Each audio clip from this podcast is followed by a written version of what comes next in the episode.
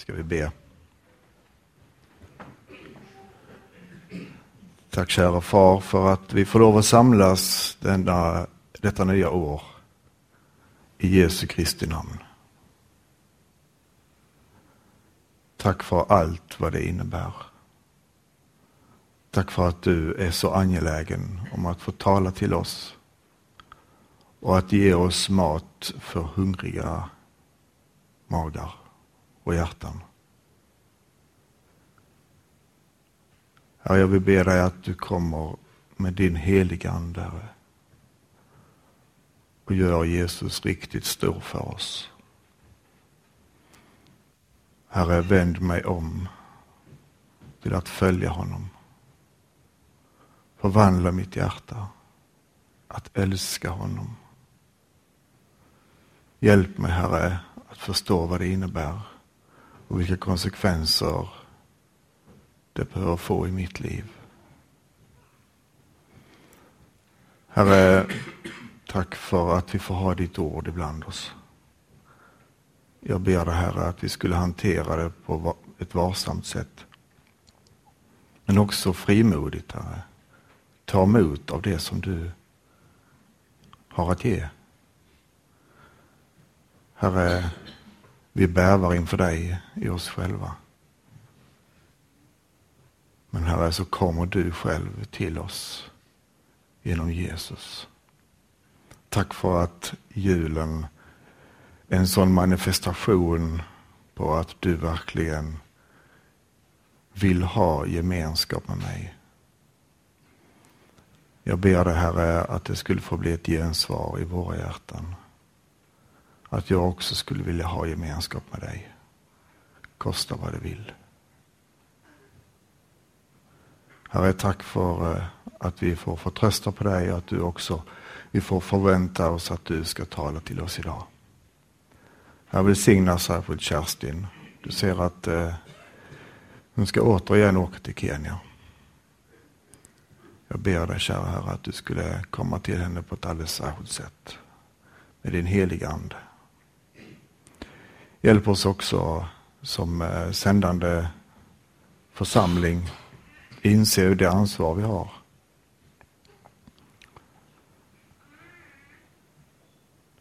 Jag ber dig Herre att du värmer våra hjärtan med din kärleksglöd idag. Amen.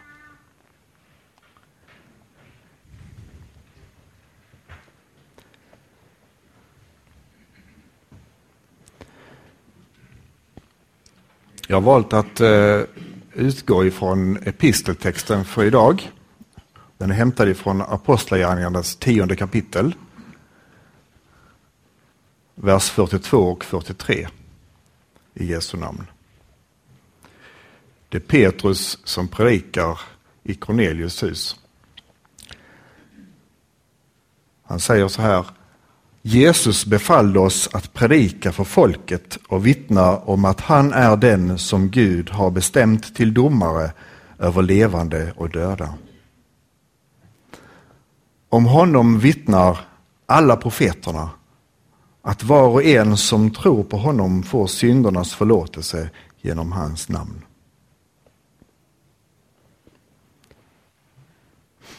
Amen. Jesus, jag ber dig att du öppnar ditt ord för oss. Skriv in det i våra hjärtan. Amen.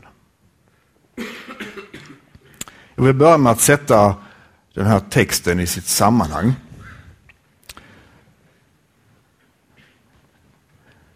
I samband med att Jesus for upp till himlen så sa han till sina lärjungar, vi läser i Apostlagärningarna 1 och 8.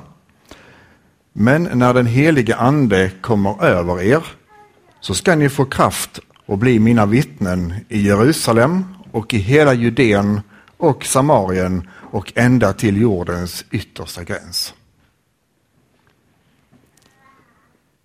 Till och med i början av Apostlagärningarnas 8, då Stefanus är stenad,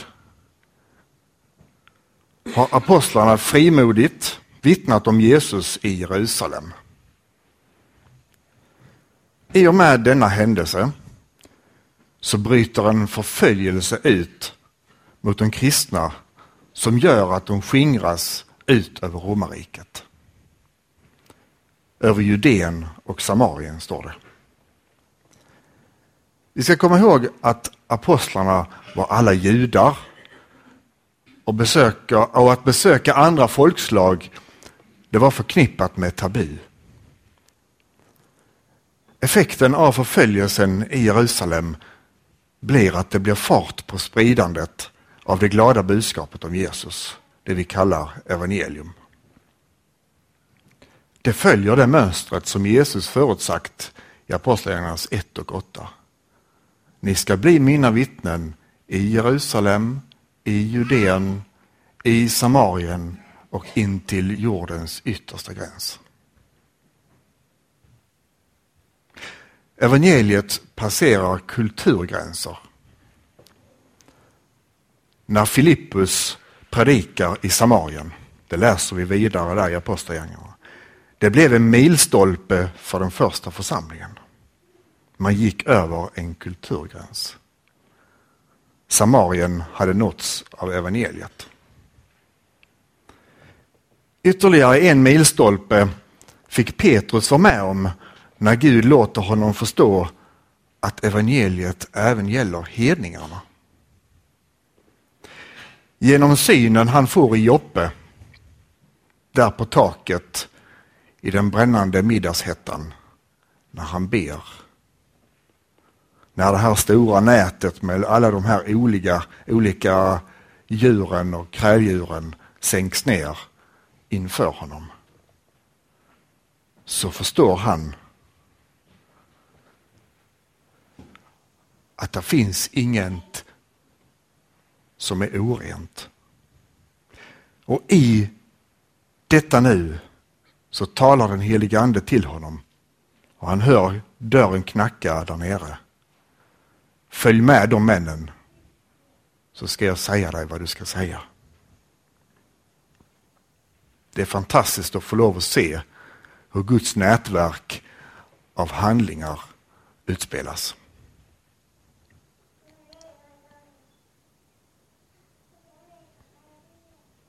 Den gudfruktige hedningen Cornelius hade också fått en syn några dagar innan. Ängeln sa till honom att sända efter Petrus från Joppe för att få reda på vad Gud ville tala till honom.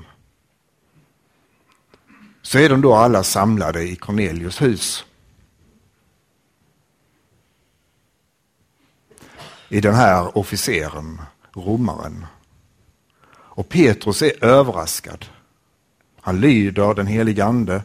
Han följer med de här männen och går rakt in i en hednings hus. Det är tabu. Men han gör det för han lyder den helige ande. Ytterligare en kulturgräns är passerad. Petrus finner sig i situationen och talar med frimodighet det glada budskapet om Jesus Kristus. Bland annat säger han Jesus befallde oss att predika för folket och vittna om att han är den som Gud har bestämt till domare över levande och döda. Om honom vittnar alla profeterna att var och en som tror på honom får syndernas förlåtelse genom hans namn.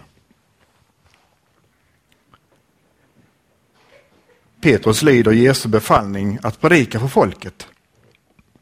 Budskapet är konkret, det är kort och koncist och utan krusiduller.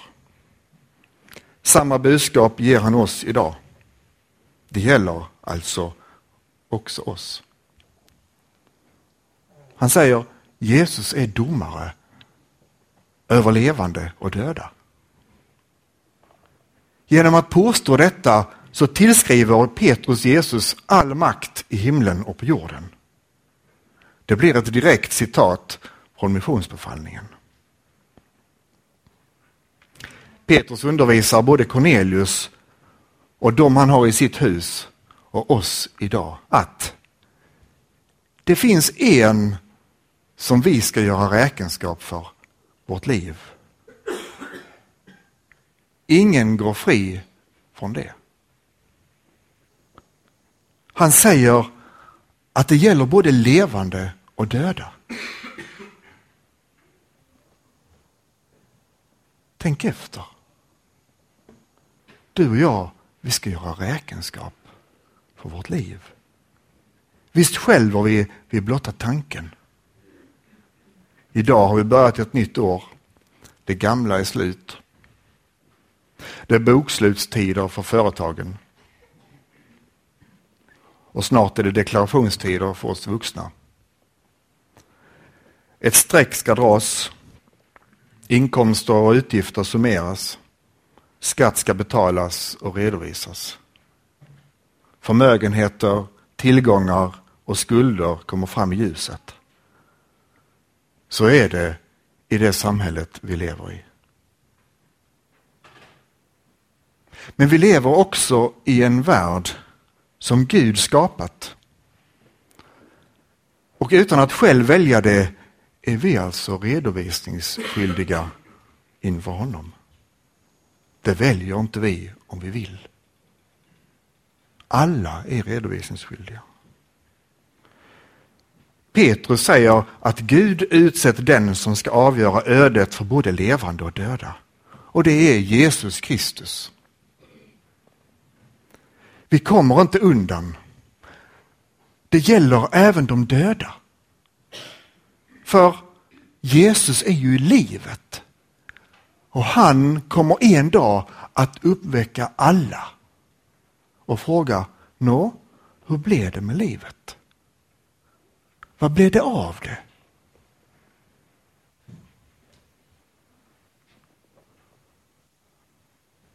Vad blev det av det? Hur är det med ditt liv?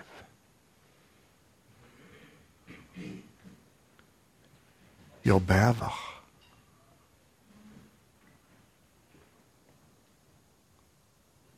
Det är ju på riktigt. Det är inte något påhittat. Jag läser till.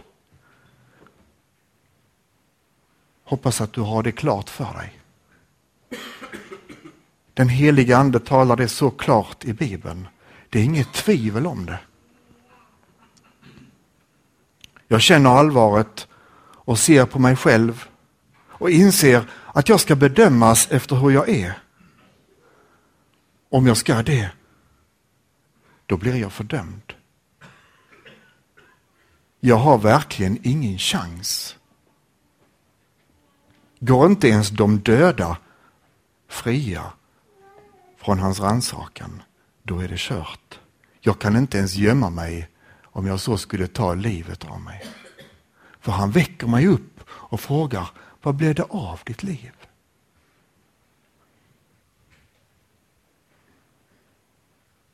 Som väl är så slutar inte Petrus där.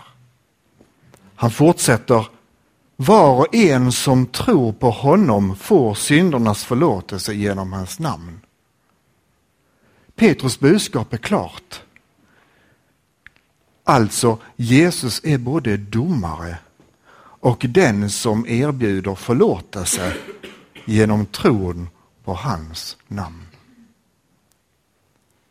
Det betyder alltså att loppet inte är kört. Domen är inte avkunnad ännu. Det finns alltså möjlighet till räddning av just honom som ska bli min domare. Tanken svindlar. Ja, du har hört det många gånger. Men ändå så är det så. Han vill alltså att jag förlikar mig med honom innan domen avkunnas. Just det. Och det är min enda chans. Men det innebär också att jag måste erkänna att jag är skyldig till alla anklagelserna. Och begära nåd hos honom.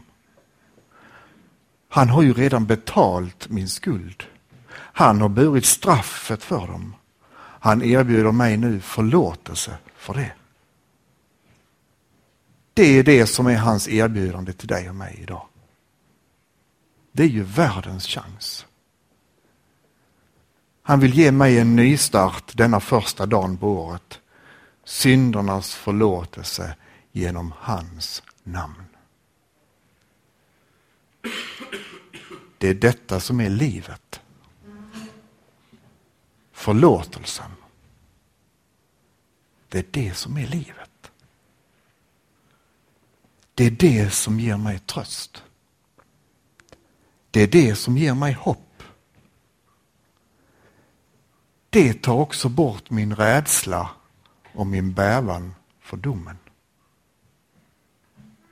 Den ger mig kraft varje dag. Den vill fostra mig att säga nej till det som är fel i mitt liv. Till alla de frestelser som bara vill binda mig kvar i synden. Syndernas förlåtelse genom Jesu namn, det ger mig frid med Gud. Amani.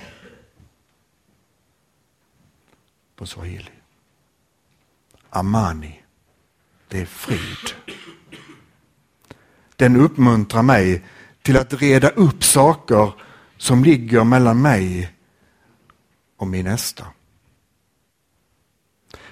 Jag vill inte leva i oförsonlighet. Det måste redas upp här och nu. Även om det gör ont. Men det kan bli bra. Och det är detta Jesus befallde sina apostlar att förkunna.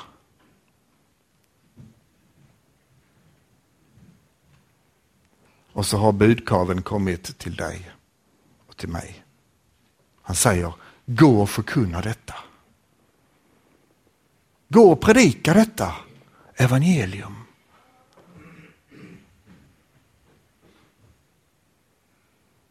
Vad svarar du? Vad gör du av ditt liv? Vad är det du förkunnar? För du förkunnar.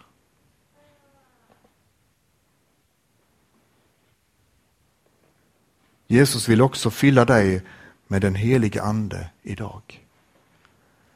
Genom sin nåd, genom sin förlåtelse vill han fylla på. Han vill ge dig en ny chans idag. Gräv inte ner pundet eller talenten som du har. Låt den inte ligga och skräpa. Gräv inte ner den. Du fick den heliga ande genom dopet. Men Paulus säger, låt er fyllas av ande. Det står faktiskt så. Alltså, man kan vara mer eller mindre fylld av den heliga ande vad är det för karismatik? Ja, Paulus säger ju så. Då måste man ju tänka, då måste jag kunna dräneras på den heliga Ande. Att det rinner av mig. Att det inte berör mig. Att det är något annat som tar hans plats. Men jag kan också fyllas. Låt oss förstå att det är genom sakramenten, nådemedlen, som Gud fyller på av sin nåd och av sin heliga ande. För det är så intimt förknippat.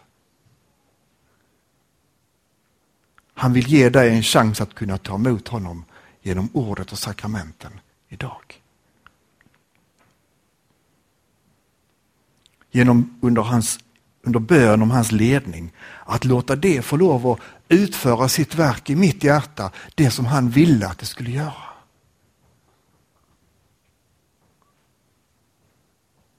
Gör vi inte det? Kommer vi inte med en förväntan på att Gud ska arbeta i våra liv? Då görs våra hjärtan hårda.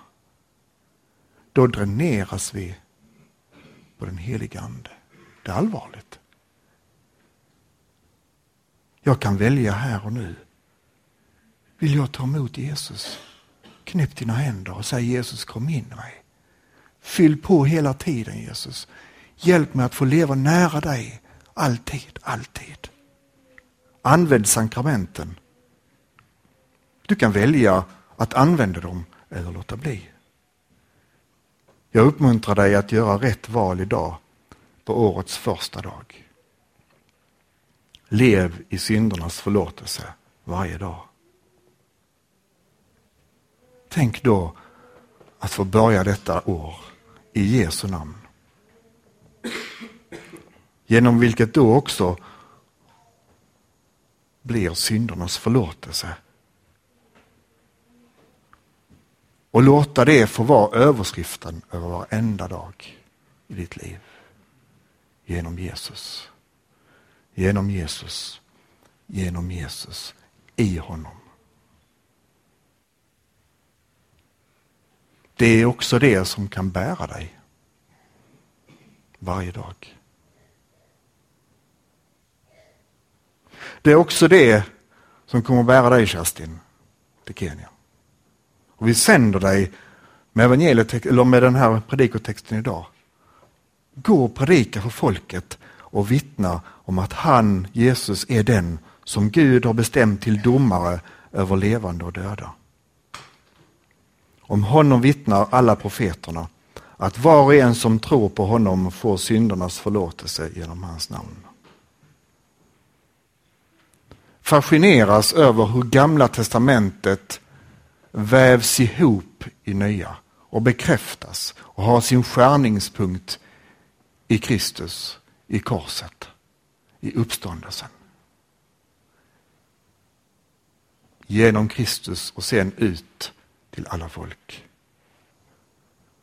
Och det är vi som lärjungar kallade att bära fram, bära vidare.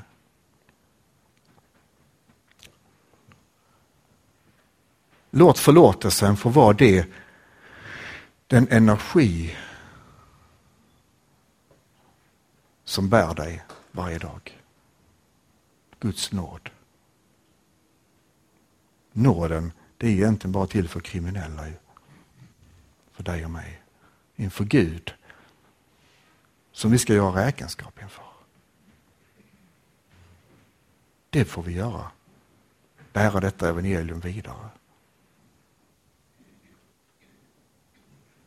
Ska vi be. Tack kära Jesus för att eh, vi kan få lov att leva av syndernas förlåtelse varje dag.